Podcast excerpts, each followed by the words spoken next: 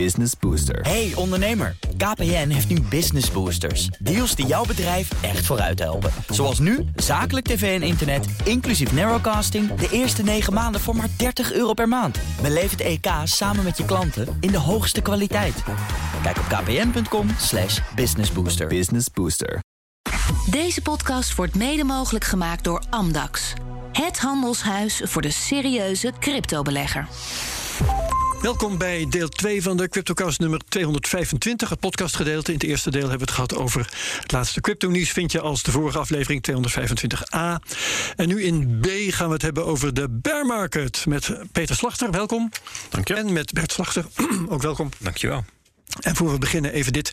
De cryptomarkt professionaliseert. Veel particuliere, zakelijke en institutionele beleggers nemen nu cryptovaluta op in hun portfolio. En toch wordt het cryptodomein vaak nog gezien als een anoniem online gebeuren. Maar voor Amdax is het juist volkomen persoonlijk.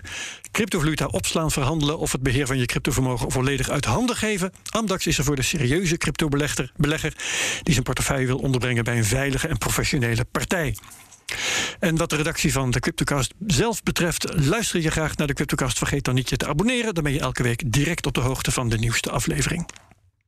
Goed, heren, Bitcoin zit in een bear market. Dat uh, is nu officieel, onderdeel van de hype cycle. Uh, eerst even uitzoomen. Uh, wat, zijn die, Peter Slachter, wat zijn die cycli van Bitcoin precies? Waar we nog steeds in denken te zitten. Um, goeie vraag brede vraag. Dus die kunnen we ook breed beantwoorden, denk ik. Dus misschien gewoon eens even uitzoomen. Um, naar hoe zo'n hype cycle eruit ziet. En, en ik denk dat dit verhaal ook opgaat uh, voor andere financiële markten. Maar laten we hem maar niet zo breed trekken. en we. Ja, misschien zouden we eerst. Is er eigenlijk een, een, vaste definitie? Kijk even naar Bert, die weet dit soort dingen. Uh, voor wat een bearmarkt is. Ja, in sommige financiële markten wel. Hè. Dan is het gewoon een daling van meer dan 20% vanaf de vorige top, vanaf de top, de all-time high, tot op dat moment. Um, en, en dus je zag ook de afgelopen weken van nou, nu is de SP 500 in bearmarkt ingegaan, omdat ze toen die grens overschreden. maar, maar ja, voor een, voor een asset met deze volatiliteit gebeurt dat elke drie weken. We ja, zijn niet wakker van hier. dus nee. dus dat, dat schiet dan niet op. Dus dan moet je eigenlijk breder kijken. En we hebben het daar in de marktupdates ook al vaker over gehad, dat je je kunt eigenlijk beter hebben over bearmarktomstandigheden of boelmarktomstandigheden. Omdat um, het is niet zwart-wit. Het is eigenlijk. Um, er zijn momenten dat je zegt van uh, eigenlijk alles wat we kunnen waarnemen over een bepaalde markt. Um, duidt op boelmarktomstandigheden. Hè, dus optimisme, stijgende trend, hogere toppen, hogere bodems. Uh, veel momentum. Dus op het nieuws wordt positief. Allemaal van dat soort zaken.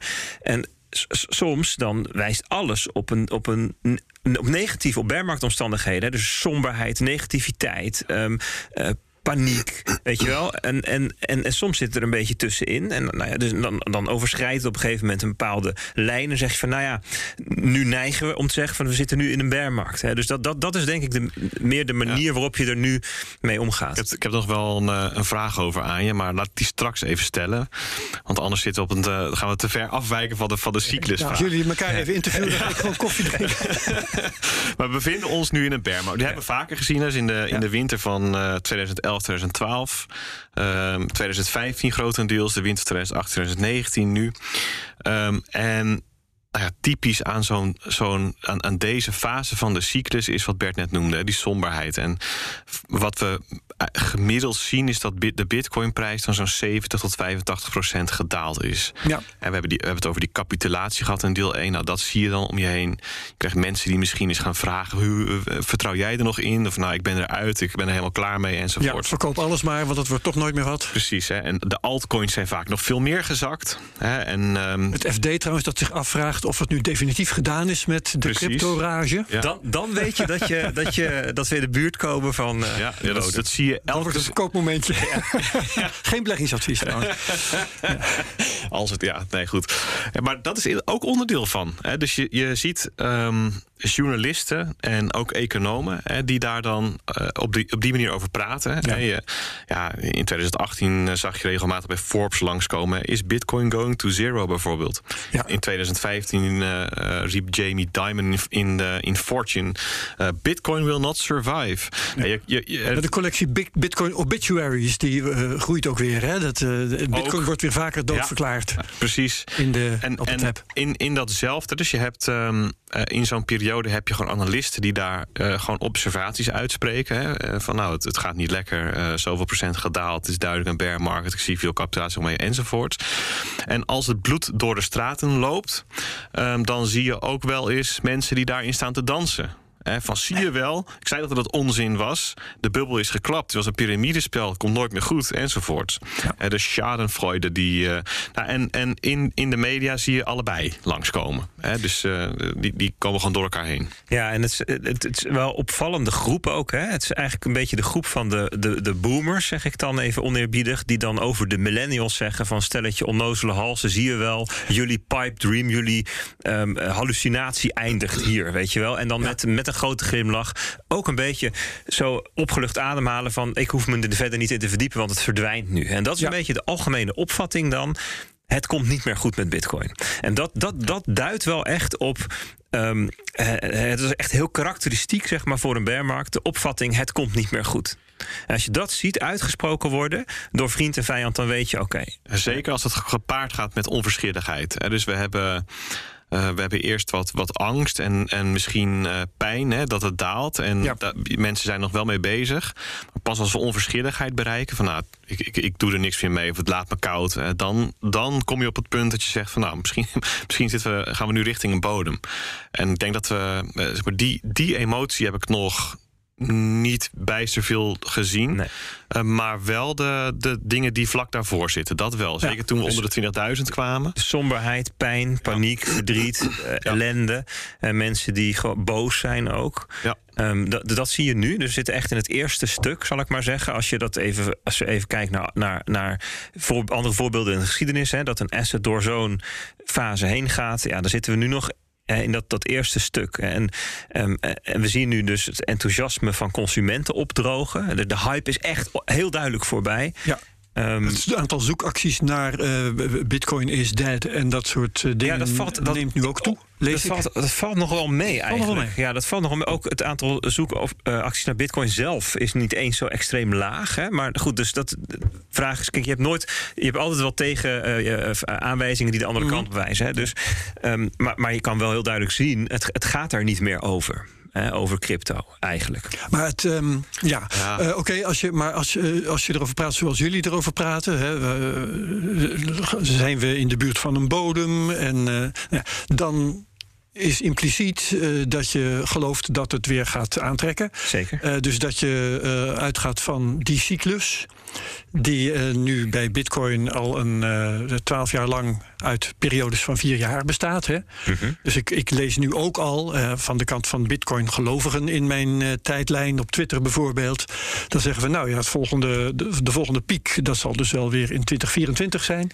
Misschien eind dit jaar al een, een nieuwe stijging, maar anders dan toch wel in 2023. Nou, uh, maar waar komt dat geloof dan vandaan? Hoe, hè? Want ja, absoluut, ja. uh, resultaten uit het verleden zijn geen garantie voor de toekomst, uh, hebben we, is ja. ons ingeprent. Dus waarom bij Bitcoin wel? Ja, ja heel, hele goede vraag. Dus we gaan zo, zo meteen, denk ik, nog even door de rest van de cyclus heen lopen. Hè, om okay. via de boelmarkt weer bij de, deze bearmarkt te komen. Nog, nog één toelichting van mijn kant. Want ehm, er, er waren uh, geluiden, onder andere van de oprichter van uh, Three Arrows Capital, die meneer Xu.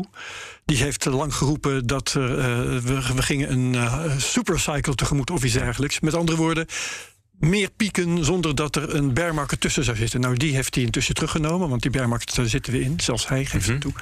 het toe. uh, maar nogmaals, die nieuwe pieken die uh, worden nog steeds in het verschiet. Zeker. Dus, dus gezet. hier gaan we. Ik ja. beantwoord je vraag, maar voordat. Um, we gaan zo meteen door de hele boelmarkt heen lopen. En dan zullen we ook zien. Uh, voordat we weer bij de bearmarkt komen, dat, dat onderdeel van die, van die cyclus is hype.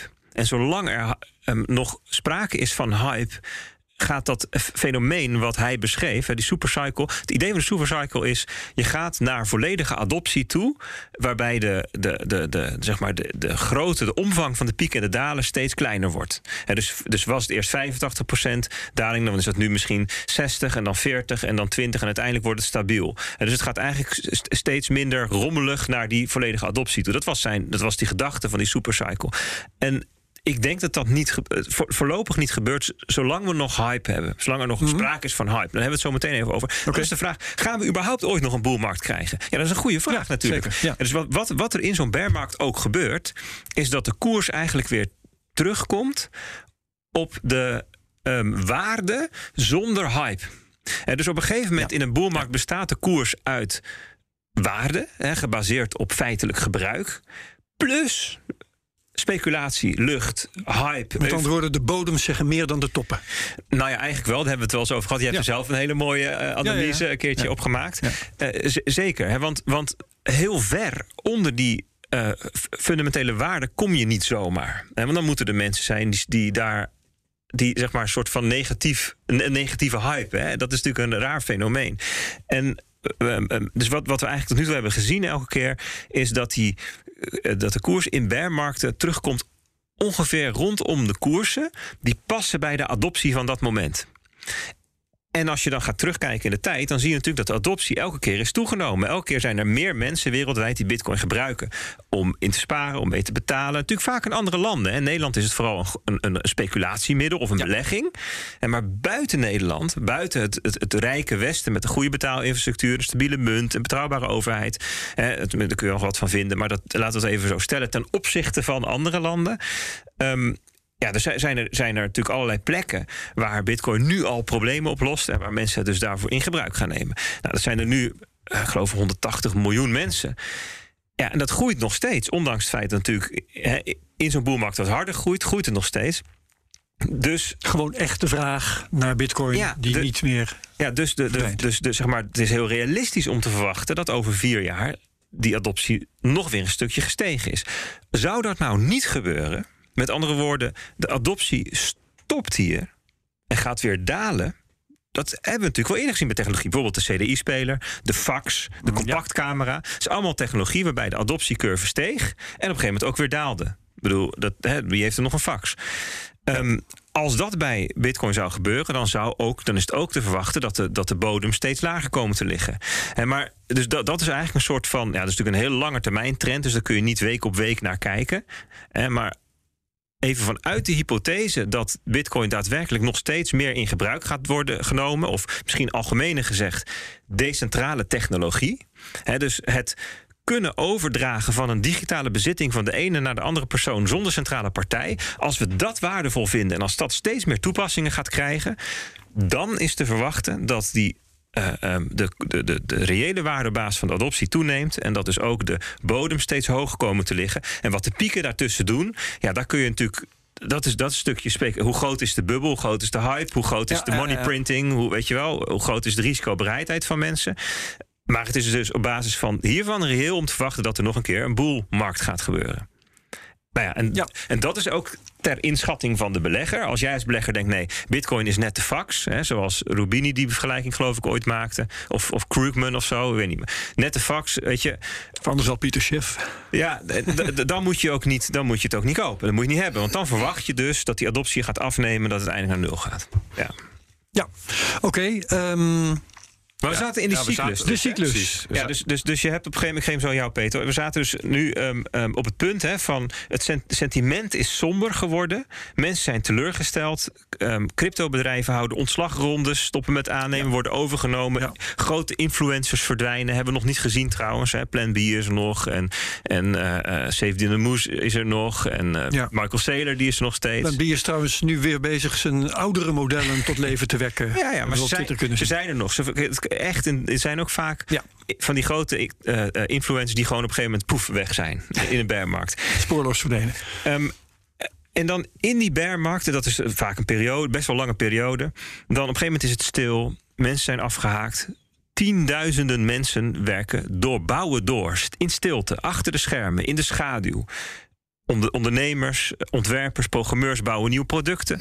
Juristen, ambtenaren, politie bouwen nieuwe regelgeving. Er wordt nieuwe infrastructuur gemaakt, nieuwe datavoorziening, derivaten. We verzinnen het allemaal maar. En op een gegeven moment wordt een nieuwe boelmarkt geboren, Peet.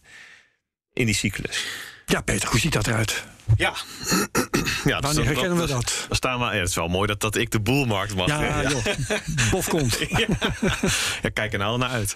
Ehm, ja, het is wel te merken trouwens hoor, hè, dat sentiment. Dat is nu ook zo. Maar goed, we, we gaan naar de boelmarkt toe. Dus de- er is een nieuwe boelmarkt geboren. Ja, dan zie je ehm, dat er over nieuwe toepassingen gesproken wordt. Dat er nieuwe eh, kansen eh, langskomen. Dat er nieuwe eh, modellen ontstaan. Het Lightning Network wordt in gebruik genomen. 2019. Ja, ja, ja. Bijvoorbeeld, hè, dat er nieuwe prikkels ontstaan om voor het eerst eens met Bitcoin iets te gaan doen. En dan weer voor een ander deel van de populatie, bijvoorbeeld. En het hoeven niet per se verbeteringen te zijn van Bitcoin, dat kan ook iets externs zijn. Hè. Dat- dat- Die omstandigheden die vallen dan samen. Eh, En dat betekent dan dus dat de adoptie toeneemt. Ehm, en De nadruk ligt daar dan ook op, op het gebruik. Ehm, er zijn ook minder bitcoins in omloop. Hè. De volgende, na de volgende halving hè, neemt de inflatie af. Dus die- die- ja, die- de, de toestroom van nieuwe bitcoins, de uitbreiding van de geldhoeveelheid, die wordt minder. ik zeg het inderdaad verkeerd. Er zijn niet minder bitcoins in omloop. Hè. Dat, dat, dat- komen minder als dat het geval zou zijn, zitten we niet in een nieuwe boelmarkt, denk ik. Er komen er minder Precies, bij. maar er komen er minder bij. Hè, en dat heeft dan weer effect ook op hoe de prijs zich gedraagt. Ehm, ja, en dan zie je langzaam aan, door dat soort krachten, eh, zie je ook weer eh, nieuwe gekte ontstaan. En nieuwe hype ontstaan. En, en mensen euforisch worden. En de berichtgeving over bitcoin slaat om. Ja. En zeker op dit punt ehm, ga je zien dat die nieuwe cyclus ook weer zijn eigen verhaal gaat vormen. Zijn eigen narratief krijgt. En daar zit de overlap ook met andere financiële markten. Dat zie je eigenlijk in alle cycli. En je ziet als het goed gaat, ehm, eh, kun, je, kun je precies aanwijzen eh, wa- waarom het goed gaat, welke verhalen erbij betrokken zijn. En zeggen mensen vaak: This time it's different. Nu gaat het niet klappen. Nu gaan we omhoog, jongens. Dit is de weg naar de hemel toe. Dat gebeurt inderdaad echt elke keer weer. Precies. In Telkens weer. 2017, in 2021. En dat is overal zo. Hè. Daar, is, daar, is de, daar is de bitcoin en de cryptomarkt geen uitzondering op. En als het dan klapt, dan zie je... oh, het komt het komt toch. Hè. Dit, dit is wel heel ernstig. Dat hadden we nooit aan kunnen zien komen. En dan, en dan zijn er de mensen weer die dat wel aanzagen... en in, in het bloed staan te dansen enzovoorts. Ehm, en wat was nou het verhaal dan van eh, deze afgelopen jaren? Nou, die draaide... ehm, grotendeels om decentralized finance. En dat ging over yield farming. Nou, In 2017 waren het de ICO's, hè, de, ja, de ICO's, klopt. Hè? En, en daar zat dan een, een bear market tussen. hè. En dan gingen we weer omhoog. En wat stond er toen centraal? Nou, yield farming, liquidity mining, airdrops, ehm, de NFT's, hè, de, de communities die vooral op Web3. markt... Ook Web3, ja. Nieuwe, nieuwe layer 1. Hè, dus nog een keer een rondje van, eh, van Ethereum killers. Nou ja, Solana is daar een voorbeeldje van. Ja, ja, Polkadot. We hebben ook veel eh eh, rug pools gezien. Hè, dingen die je aan de kant van fraude zou categoriseren. Ja, wat was Ja. weer? Squid Game bijvoorbeeld. Weet je? Ja, bijvoorbeeld. Oprichters die er met de poep vandoor gaan. Precies. Ja. En we hebben ook ehm, ehm, persoonlijkheden gezien die eigenlijk voor het eerst opkwamen en zeiden van nou jongens. Ik, eh, ik fix even alles. En Elon Musk bijvoorbeeld heeft heel veel aandacht gevangen. En die was in deze cyclus wel, de vorige niet. ja, Michael Saylor. We hebben veel, ehm, ook best wel veel over scams en oplichting gesproken. Exposes die ongetwijfeld ook wel eens langsgekomen. Ja. Eh, hacks eh, heeft veel aandacht gevraagd. Ehm, en na hacks ook hacks. dus niet met een X, maar met CKS. Er is gewoon protocollen die het begeven. Ehm, allerlei influencers met grote voorspellingen... waar eh, echt heel veel mensen achteraan zijn gelopen. Ehm, we, heb- we hebben de laser eyes gehad. Oh ja, de, in de Twitter. eh, En er zijn mensen die, die, die ze nog steeds hebben. Dat is Jazeker, vol, ja, ja. volhardend. Ehm, we hebben natuurlijk El Salvador, eh, MicroStrategy gezien. Ehm, we zijn ook weer tegen grenzen in schaalbaarheid en ehm, eh, de capaciteit van netwerk en gebruiksvriendelijkheid aangelopen. Ehm, en maar ik denk als je gaat kijken naar, naar afgelopen boelmarkt, dat decentralized finance en yield farming echt de boventoon gevoerd heeft. Eh, ik, ik zou ze graag ietsjes generieker willen maken. Dus wat karakteriseert boelmarkten? Dus het verwisselen van de uitzondering en de regel. hè. Dus je pakt El Salvador en MicroStrategy en dan zeg je... bedrijven kopen bitcoin, landen ga, stappen over. Terwijl het één voorbeeldje is wat, wat Ja, je dan ziet. Dat zijn Dat tussen twee uitvergroten. trouwens. En dat zie je dus in al die boelmarkten. Hè, en ja, ja. we hebben het over de laser eyes, maar het meer generieke is... er is sprake van hubris en overmoed. Wij gaan alles, we're gonna make it, we gaan het allemaal maken. En dat gebeurt dus Overigens niet. hebben behoorlijk veel bedrijven geld in bitcoin gestoken. Hè? Als je het bij elkaar optelt, dan... eh, Maar het is van, van de... het zijn een paar beursgenoteerde, maar ook redelijk wat niet-beursgenoteerde. Nee, maar laten we dat zeggen dat er wereldwijd 5 miljoen bedrijven zijn. Ja, nee, Daarvan zeker. Weet je wel? Dus het is niet een trend eh, Ja. geweest. Het zijn echt een aantal ja, e- uitzonderingen geweest. Ja, Ja, dat is waar. En, en, en elke cyclus heeft zijn Elon Musk. Eh, Dus het zijn allemaal voorbeelden die je dan ziet. En zegt van nou, dat is een voorbeeld van. En allemaal voegen ze iets toe aan de hype. Aan de lucht. Aan, en, het is, en als je dat, die hype wil kwantificeren. Of hè, als je dat meer zou willen beschrijven. Dan kom je op het punt aan dat mensen zeggen van. ehm, eh, eh, dit, dit, dit, dit zit, hier zit nu zo'n energie in. Dit stopt morgen niet. Dus ik ga niet eh, vandaag verkopen of morgen verkopen, maar op z'n vroegst volgende week. En dat volgende week zeggen ze dat nog steeds. Hè. Dus met andere woorden, mensen die stellen het nemen van winst uit. En dat doet iedereen collectief. Er staat een soort van collectief waanbeeld van dat, het, dat zo'n situatie houdbaar is. En het punt is. Hoe lang, hoe groot kan zo'n bubbel worden? Hoe groot kan een eh, een, een, een overdrijving van de waarde, want dat is waar je het over hebt. Hoe groot kan dat worden? Is dat 50.000 dollar of 65? Het is uiteindelijk geloof ik bijna 70.000 geweest, of 100.000 dollar of 250.000 dollar. En, en het, het, het had allemaal gekund. Hè, maar het, het is dan dus 69.000 dollar geworden, hè, weten we nu. Ja, een wat lagere piek eigenlijk dan iedereen verwacht had. Ja, lagere piek dan, dan, dan eerder. Hè? Dus, dus lager, eh, je ziet ook allerlei van- andere indicatoren die hebben op een lager niveau is dat dan geweest. En dat, eh, dat kun je achteraf kun je ook allemaal analyseren. Maar, maar die, die overdrijving van de koers ten opzichte van de waarde, ja, die, die wordt dus gevoed door al dat soort fenomenen die we net even beschreven. En dat is dan de boelmarkt. Eigenlijk hebben we allemaal eigenschappen van de bubbel opgesomd, Ja. zou je kunnen zeggen. Eh, En daarin stonden dit keer stonden daar hoge rendementen, dus yield farming centraal. Mensen, opzienbare personen waar je achteraan kon lopen, waar je tegenop kon kijken, de Elon Musk van deze wereld. Maar ook nieuwe speeltjes waar je op mee kon speculeren. NFT's bijvoorbeeld, de Board Apes. En waar leidt dat dan toe? Dan, dat leidt dan tot een situatie waarin de risico's zich eigenlijk aan het opstapelen zijn. En er wordt ehm, steeds meer ongerealiseerde winst eh, staat, staat op papier. Hè, de- want de markt loopt vol, de lucht neemt toe en mensen zien hun vermogen stijgen. Ehm, dat is onder meer gedaan door heel veel leverage, hefbomen, eh, eh, ehm, in de posities te zetten. Ja, dat formuleer ik niet helemaal lekker, maar het gaat erom dat er met geleend geld Veel- gehandeld precies, wordt. ja. Eh, en dat al die Lego-steentjes in de decentralized finance wereld op een manier aan elkaar ge- gekoppeld raken. De, de, dat, je kan het eigenlijk zien als geldmachientjes. Je stopt er geld in, dan komt er ook weer wat uit. En wat eruit komt kun je ook weer gebruiken in een ander Lego-steentje. En ga zo maar door. Zo ontstaat er dus een web van afhankelijkheden en leverage in de markt. Ehm, en de manier waarop dat gebeurt is ongetest, is super experimenteel. Hè, dus er, er staat eigenlijk een, eh, er is dan een, een gebouw ontstaan waarvan we eigenlijk niet precies weten hoe die in elkaar zit. Ehm, ja, en dat is wat wij vaak omschrijven als brandhout. Hè, dus, we, dus we hebben dan ja, een, een, een groot bos eh, waar best wel wat brandhout in ligt. En het is, het is dan wachten op de vonk, waardoor dat brandhout eh, aangestoken wordt. Ja, nou, en, ja, en, ja, en dat is. Het is altijd onvoorspelbaar wanneer dat dan gebeurt. Hè, en, en op welke manier. Nou, behalve dat het toch elke keer weer na vier jaar is. Ja, maar dan, dan nog steeds is het onvoorspelbaar wanneer precies Ja. in die vier jaar. En hoe hoog gaat het dan? En gaat het dan deze keer toch weer exact op diezelfde manier verlopen? En want dat blijft natuurlijk iets wat je niet van tevoren zeker weet. Nee. Eh, en het klopt, hè, dus, dus nu zitten we wel in de situatie dat er dus een flinke bosbrand woedt. Wat wel een heel. Sorry, ja. Aangewakkerd door allerlei omstandigheden. Intern aan de cryptomarkt, maar ook zeker ook extern. En dan zie je dus wat er aan leverage is opgebouwd. Dus eh, dat wordt dan ook weer in hoog tempo afgewikkeld. En dat is natuurlijk een enorme versneller van die koersdalingen die we nu zien.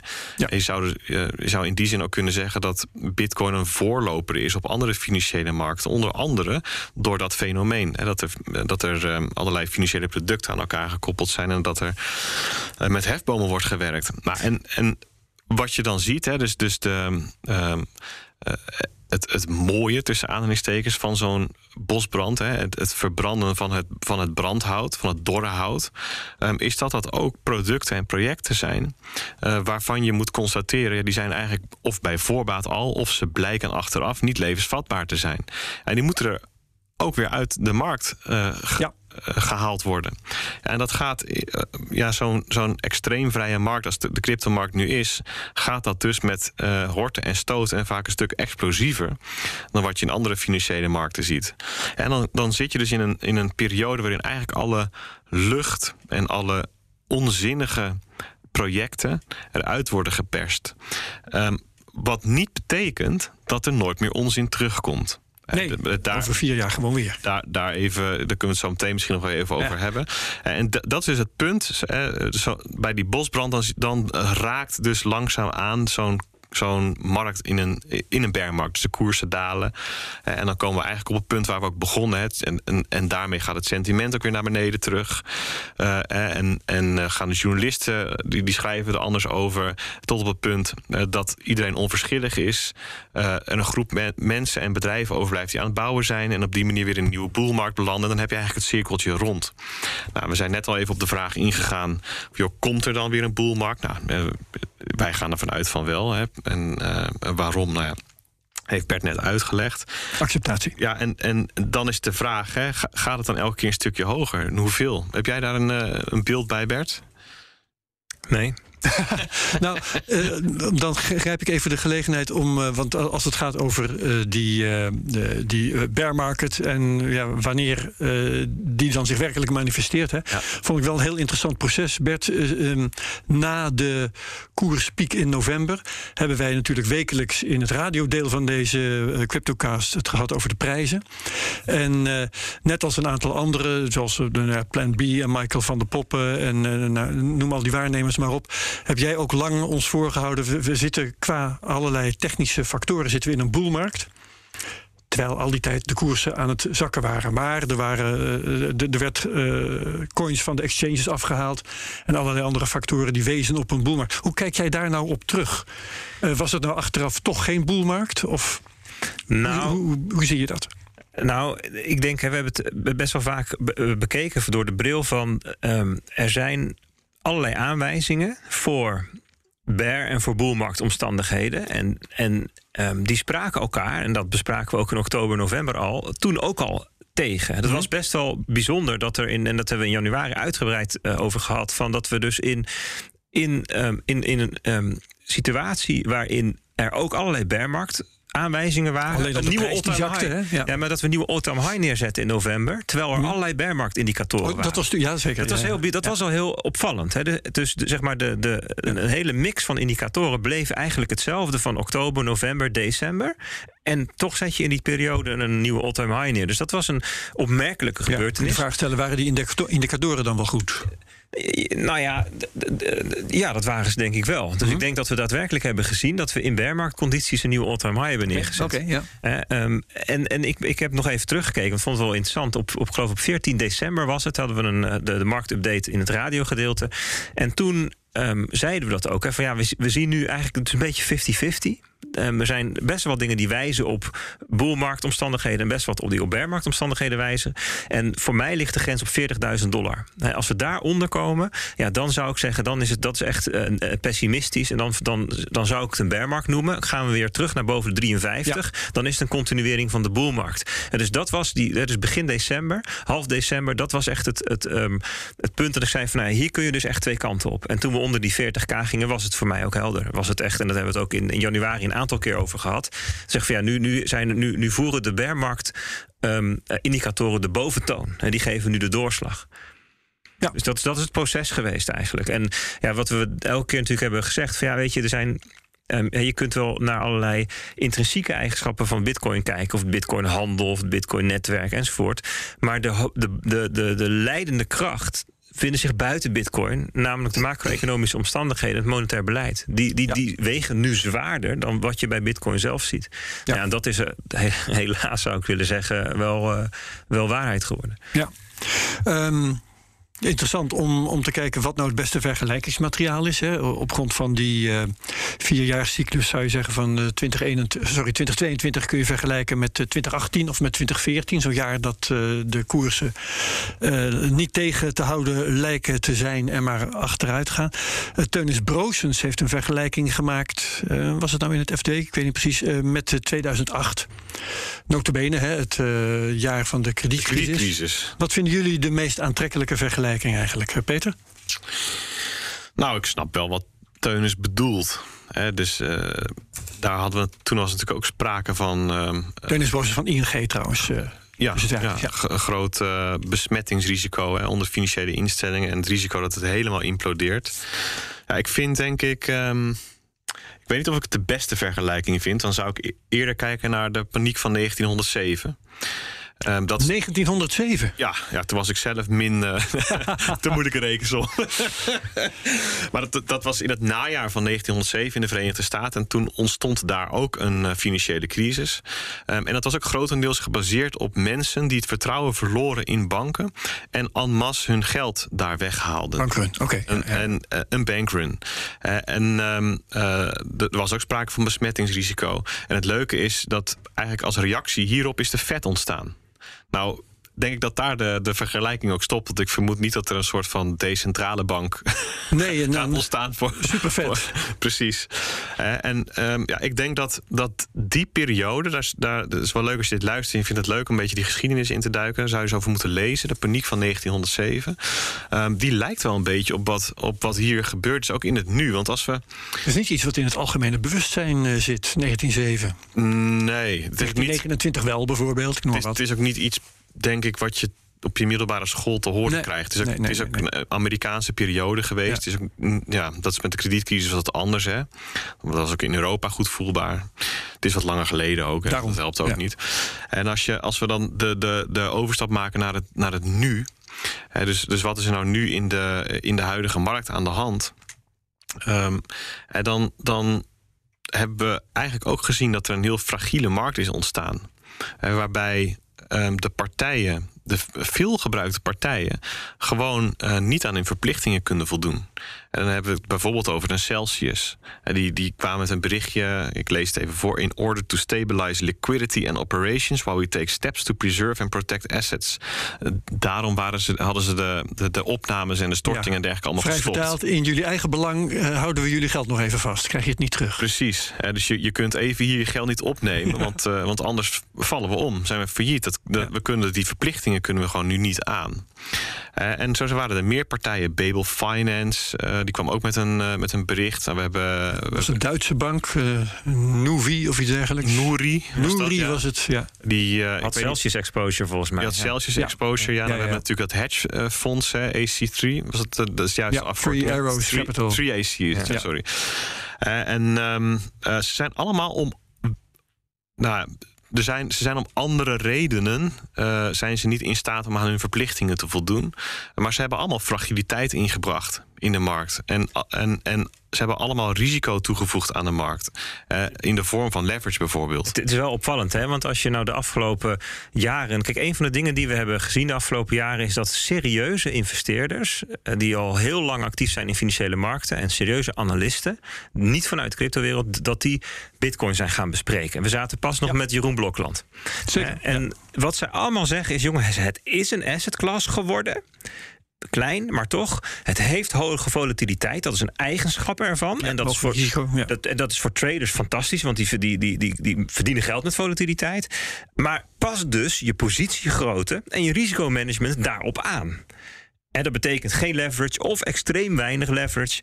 Beperk je tot bitcoin, eventueel wat ether en ether. En als je andere assets hebt, dan hele kleine posities. Nou, dat is uh, natuurlijk hè, dat, dat, gewoon verstandig. Maar, ja. Dus het is heel opvallend dat heel grote partijen zoals Celsius, BlockFi, Nexus, 3AC, dat die blijkbaar dat dus niet gedaan hebben.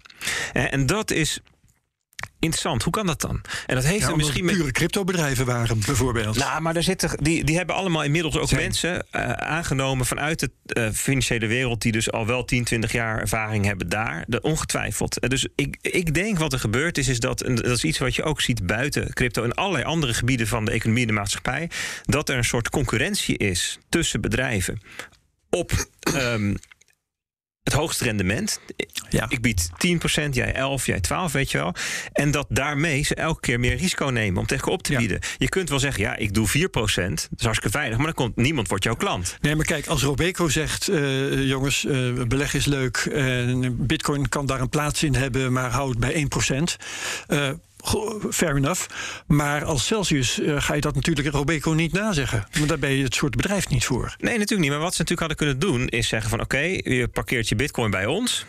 En wij lenen dat op een bepaalde manier uit aan market makers. eh, en ehm, dan krijg je van ons 1 of 2 procent rendement op je bitcoin. Maar het is wel behoorlijk veilig. Dat had gekund, maar dan ging niemand naar jou toe. Want iedereen gaat dan naar de buurman, want dan krijg je 10 procent. Want die doen allerlei trucs ermee. Nou, die trucs die worden op een gegeven moment... Kijk, het punt is, en dat is die uitspraak van Teunis Brozens. Hè, die zei dat van only when the tide goes out... you discover who's been swimming naked. Hè, pas, ja, pas was het niet Warren Buffett? Ja, die zei dat. Ja, maar... Citeerde Warren Buffett. Ja, noemt het elke keer. even de facts Hij straight, een aantal keer op de radio geweest de afgelopen tijd. En dan is dit zijn uitspraak. Hè, van als het app wordt, dan zie je wie er in zijn blote kont zwemt. Ja. En, en, ehm, ehm, en ik, ik, ik vind een andere vergelijking ook wel mooi. Zeg van ja. ehm, op een bepaald moment gaat de muziek uit hè, bij een stoelendans. En dan is de vraag, als er twintig mensen daar staan te dansen eh, rond de stoelen, zijn er dan 19 stoelen of drie? En dat weet je, of 20 misschien nog. Hè. Als iedereen zich voorbeeldig heeft gedragen, zijn er gewoon 20 stoelen voor 20 participanten. Iedereen kan gaan zitten. En hoe meer risico's er genomen zijn, hoe meer leverage, eh, hoe, dan, hoe minder stoelen er over zijn. En nu komen we er dus achter dat de muziek uitgaat. En dat er misschien maar drie stoelen zijn. En dat is dus een groot probleem. En wat, wat is dat dan het risico? Wat die fragiliteit die is opgebouwd? Ja, dat is dan dus die, die leverage en die, die- het, het niet liquide zijn van dingen, de verwevenheid. Ja, en dat, dat, dit, dit soort fenomenen zien we ook in de reële economie. Hè, want je, moet- je moet het, goed, het allergoedkoopste eh, doen. Net zo goedkoop als je concurrenten. Dus neem je risico's. Je houdt geen voorraden aan. Je hebt geen buffers. Just-in-time delivery. Geen redundantie. En dat gaat allemaal goed. Zolang het goed gaat. Totdat, ja, Totdat, het, totdat er ergens iets misgaat en dan ineens een schip in het Suezkanaal Klopt ook of je niks hebt een meer. pandemie en ineens alles loopt vast. En het knappen van de zeebel van een bubbel ehm, is eigenlijk eenzelfde soort iets. Hè. Het gaat goed. Ehm, ehm, zeg maar, het, het werken met leverage en het nemen van grote risico's, dat gaat goed. Zolang de markt groeit. En als dat stopt te groeien, dan ineens wordt duidelijk wie er niet voldoende zwembroek aan heeft. Of hoeveel stoelen er dan daadwerkelijk zijn voor, weet je wel. En dat is eigenlijk heel erg vergelijkbaar met dat. Dus, dus Na- Nassim Taleb schrijft daar uitgebreid over hè, dat ehm, het, het, het nemen van dat soort risico's is het opbouwen van fragiliteit in een systeem. Eh, het, het opstapelen van brandhout. Hè, dus als iedereen full reserve. Ehm, eh, en, en, en, en, en heel verstandig met zijn liquiditeit was omgaan, dan was er ook gewoon bijna geen brandhout geweest. Dus dan was er ook, Ja. dan was er ook niks om. dat klinkt als een pleidooi voor eh, regels. Dat dat zo gewoon moet. Ja, dat is. Nou ja, Dat wil ik niet gezegd hebben. nou, eh, ja, er zit, daar zit nog wat tussen. Namelijk de constatering dat het gewoon wel echt heel sneu is. wat er nu weer gebeurd is. Ja, zeg. En dat, dat, dat, dat- kijk, Bedoel je dat Celsius toch wel een beetje zielig is? Nee, zo? zelfs is niet zielig. Nee. Ik bedoel, De, de, ik heb er eigenlijk weinig goede, Celsius. goede woorden voor over. Wat voor, Ja. wat voor soorten financiële producten er eh, gemaakt zijn. En de manieren waarop die vermarkt zijn. Vooral dat laatste, want voor mij mag je experimenteren tot je een ons weegt. Hè. Dat, dat, dat bijvoorbeeld eh, zoiets als Terra eh, eigenlijk bij voorbaat al gedoemd was om te falen. Voor mij mag je daarmee experimenteren. Mhm. Maar dat moet dan wel als zodanig bekend staan. Eh, dan, dan moet daar dus een, een, een, een heel duidelijk gezegd worden: van jongens, dit is experimenteel. Ga hier niet je zakcentjes insteken. Hè, help ons met testen, bijvoorbeeld. Eh, maar dat dat opgeblazen wordt tot, eh, weet ik veel, 30, 40 miljard, is natuurlijk uit en boze. Ja, het had, het, had, het had moeten klappen bij 40 miljoen. Want dan was er ook niks. Dan Tuurlijk. was er geen. Celsius had er geen last van gehad. En dan had niemand. Weet je, dan had Maar, het, maar dan heb je zo'n bedrijf als Celsius. Kom op, zeg maar, hoe, hoe haal het in je hoofd om met geld van klanten een soort eh, pseudo-hedgefonds te zijn? Weet je, Ja, maar terwijl je hadden die de- klanten zelf niet een beetje beter moeten opletten? Nee, want aan de voorkant van, van het bedrijf werd gezegd van staat hier hartstikke veilig. ze noemden zichzelf bank, hè? Ja, en ze dus- boden gewoon rendement. Ja. Natuurlijk kun je wel wijzen naar de consument. Hè, Maar dan en de klink, financiële klink ook jij nu als eh, een, een pleitbezorger van regelgeving. Ik, ik vind het wel teleurstellend. En dat vind ik. Hè, dat moet ik de boomers dan wel. We hadden net even over de boomers die, die in de plassen bloed staan te dansen. Ehm, hè, deels hebben ze ook gewoon gelijk. Want er, er wordt ook dezelfde rommel die we al kenden, wordt ook gewoon in, in, in de, uh, in de cryptowereld nagebouwd. En het, het vervelende vind ik daarvan, is dat daarmee het heel eenvoudig is. Dat gebeurt dus ook veel. Dat alles in het hele wereldje op één hoop geveegd wordt. Ja. En dat dus crypto ja. dezelfde rommel is als die we al kennen. Ja, en eerlijk gezegd, heel veel van wat er gemaakt is, ben ik het ermee eens. Alleen laten we wel blijven scheiden uh, tussen wat er uh, aan innovatie plaatsvindt in deze sector. Ja. Uh, wat, wat mij betreft vertegenwoordigd wordt door Bitcoin. Hè, dus het op zichzelf staande digitale bezit. Dat je van de een naar de ander kan overdragen. Dat is iets ontwrichtends. Dat gaan we nog decennia gaan we daar de effecten van zien. Um, laten we dat niet op één hoop vegen met alles wat daar omheen aan ruis is ontstaan. en ik denk dat dat onderscheid belangrijk is. Want uiteindelijk, dat zien we elke cyclus weer zijn het de bitcoiners uh, die hun gelijk halen. Uh, die hebben of hun bitcoin zelf bewaard... of bij een full reserve bewaarpartij ondergebracht. Um, uh, die hebben maandelijks gedeciaat. En die hebben eigenlijk niet eens zo heel veel last van dat het nu daalt. Ja, dan wordt de gemiddelde aankoopprijs wordt lager. Bitcoin is nog steeds bitcoin. Er wordt elke 10 minuten een blok gemaakt. Er zijn nog steeds 21 miljoen van. niemand die kan de regels aanpassen. Iedereen kan eraan meedoen. Maar al, alles eromheen. Bedrijven, influencers, modellen, altcoins, projecten... noem maar op. Die, die komen en die gaan. Maar Bitcoin blijft gewoon zijn ding doen. Nou, en en um, um, de brug naar. Hoe komt dat? Waarom, waarom zou er geen uh, project kunnen ontstaan dat beter is dan Bitcoin?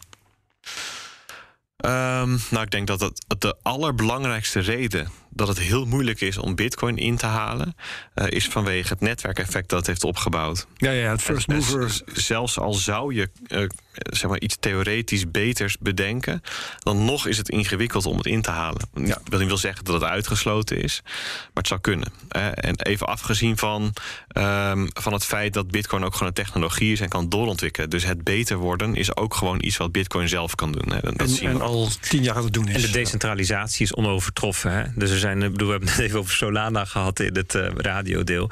Dus Solana, daar zijn natuurlijk allerlei leuke dingetjes mee gedaan en allemaal hippie hoera. Totdat duidelijk wordt dat 95% van het kapitaal van zo'n pool bij één persoon ligt, weet je wel. En dat is ja. natuurlijk bij Bitcoin.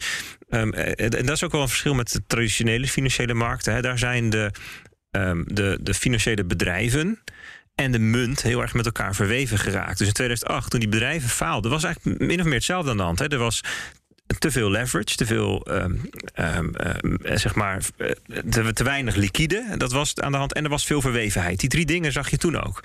En wat gebeurde er? Ja, de centrale bank die ging uh, de bedrijven redden door dollars te printen. Ja. Met andere woorden, er is gesleuteld aan de geldhoeveelheid, dus aan de regels van het geld. Dus besloten om de regels van het geld aan te passen om de bedrijven um, te helpen. En dat is bij Bitcoin fundamenteel gescheiden. De, de regels van Bitcoin zullen nooit kunnen worden aangepast om bedrijven te redden. Ja, ik bedoel, die bedrijven die gaan failliet, de, de, de, of, of niet, of worden gered door iemand anders. Dat, allemaal, dat moeten ze allemaal zelf regelen, allemaal zelf weten. Dat kan allemaal gebeuren. Maar Bitcoin zelf, het protocol blijft wat het is. Zelfs Biden kan dat niet veranderen. Het is wat het is. Ja. En dat is natuurlijk een fundamenteel verschil. Ja. En, en dan pleidooi voor regels. Hè? Dat was ook een vraag ja. op Twitter, geloof ik. Hè? Um, ja, tot, tot mijn teleurstelling. En ja, ik had ook eigenlijk niet anders verwacht, eerlijk gezegd. Hè, want ja, een groot deel. Kijk, er is niets. De, uiteindelijk draait deze markt ook gewoon nog om mensen. En het zijn dezelfde mensen als in andere financiële markten. Uh, dus wat daar mis is gegaan, kans is groot dat dezelfde soort patronen hier ook terug gaan komen.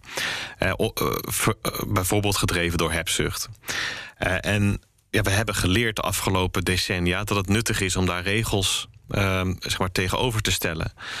Uh, om dat in goede banen te leiden. Om ervoor te zorgen dat ja, die consument, of die gebruiker of die klant niet te dupe wordt van die hebzucht bijvoorbeeld. Ik vind het jammer, teleurstellend, dat dat, de, dat afgelopen boelmarkt daar bewijs voor aanlevert. Dat dat zo is. Dat de markt dat dus niet uit zichzelf doet. Zijn er ook, hè? er zijn heel veel partijen die dit keurig netjes doen. Hè? Voor hen is het helemaal vervelend, want zij worden eigenlijk meegezogen in die, in, die, in die ruis en in dat sentiment. Terwijl ze misschien wel netter uh, opereren dan wat, de, uh, dan wat de regels en de beoogde regels voorschrijven. Maar als we de regels die we gaan maken straks als die goed ontworpen worden, dan sluit die wel aan bij dat type partij. Dus de mhm. partijen die zich nu voorbeeldig gedragen hebben, die zullen straks met gemak aan die regels kunnen voldoen. Ja, klopt. Dus, dus ik, vind het, ik vind het goed. Dus ik, ik uh, verwelkom uh, nieuwe regels. En, en wat er in Mika staat, dat, dat pakket is nog niet helemaal af, maar grotendeels. Het grootste deel daarvan denk ik van nou, dat is goed dat dat er komt. Ja. Mijn hoop is wel dat als er regels geschreven worden, dat die zodanig zijn geformuleerd dat niet de geest uit de innovatie getrokken mm. wordt. En dat is natuurlijk wel het risico van, ja. van, van dit soort perioden. Dat, dat mining wordt verboden of iets dergelijks. Ja, dus, dus, dus reguleer de crypto-bedrijven. Dat is goed. Reguleer de crypto-assets waar heel duidelijk aanwijsbaar een bedrijf of een persoon achter zit. Maar laat decentrale technologie laat, laat het onafhankelijke protocol het onafhankelijke protocol zijn. Want als je dat ook op een of andere manier gaat beperken, dan gooi je het kind met badwater weg. En dat is een beetje het probleem. Er is zo ongelooflijk veel badwater dat, je, dat je het kind bijna niet meer ziet. Nee, maar dat, kijk, ik, ik begrijp, ik, ik, vind het, ik vind natuurlijk bloedirritant dat heel veel journalisten nu zeggen: ja, het is goed, bezem door de crypto, sloopt de hele bende, maar laten we het in één keer weg. Er was pas weer een hoorzitting in de Tweede Kamer. Hè. Er zat Pieter Hazekamp en uh, nog iemand, die zat ze met z'n tweeën een beetje te grinniken van: ja, laat het maar verbieden.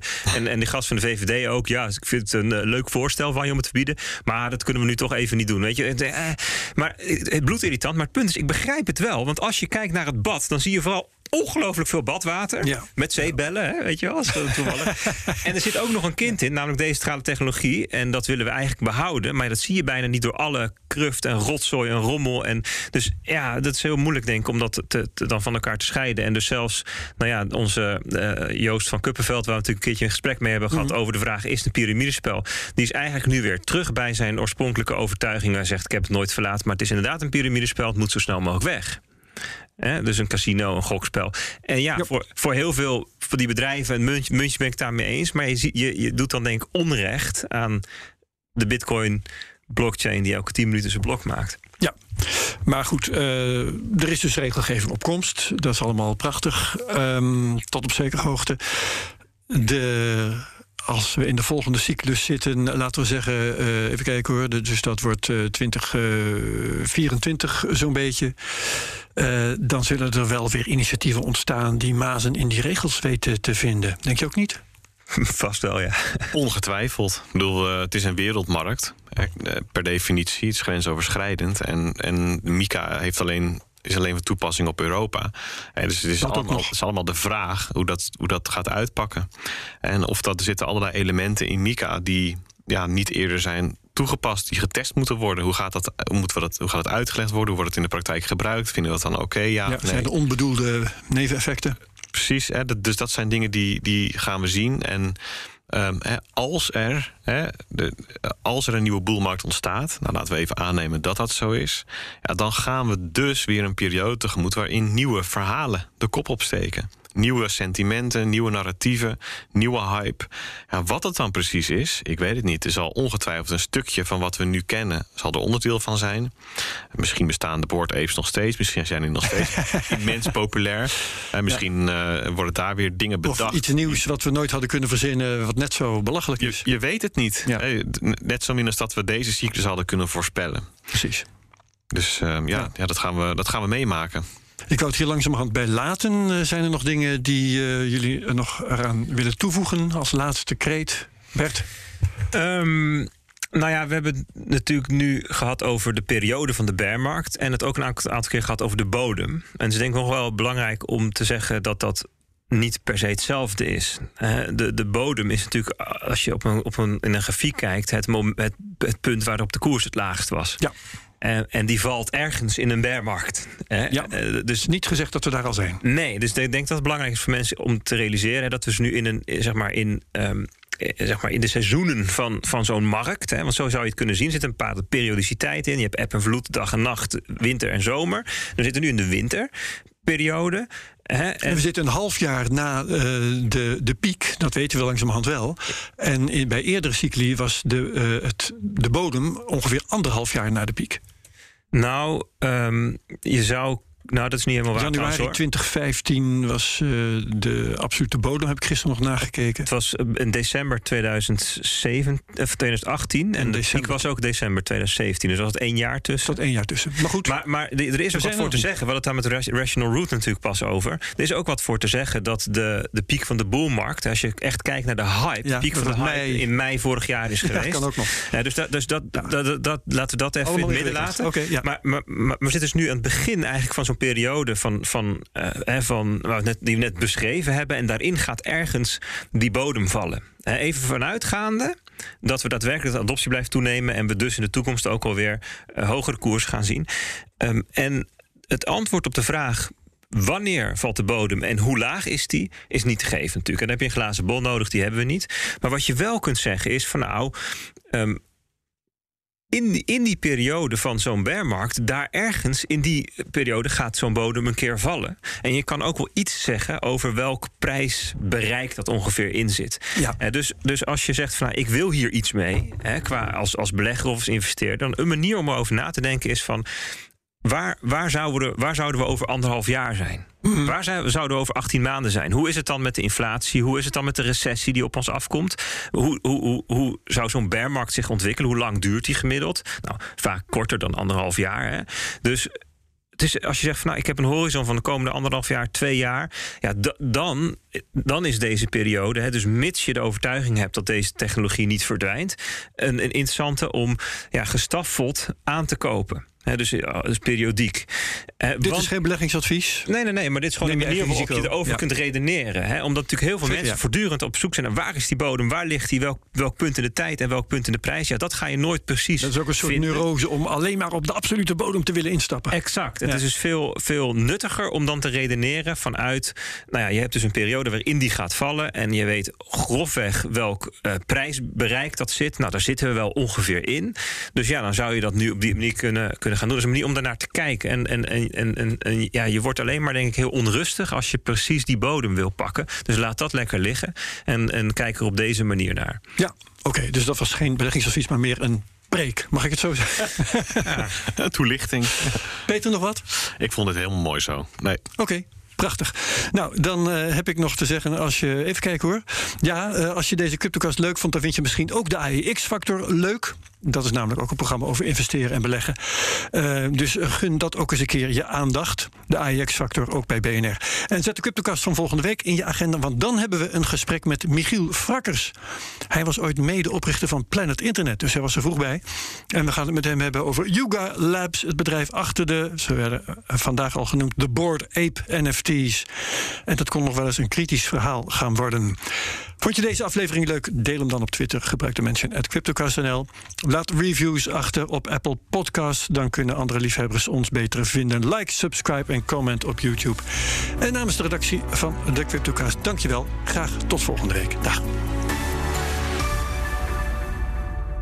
Deze podcast wordt mede mogelijk gemaakt door Amdax. Het handelshuis voor de serieuze cryptobelegger. Hardlopen, dat is goed voor je. En Nationale Nederlanden helpt je daar graag bij. Bijvoorbeeld met onze digitale NN Running Coach... die antwoord geeft op al je hardloopvragen. Dus, kom ook in beweging. Onze support heb je. Kijk op nn.nl slash hardlopen.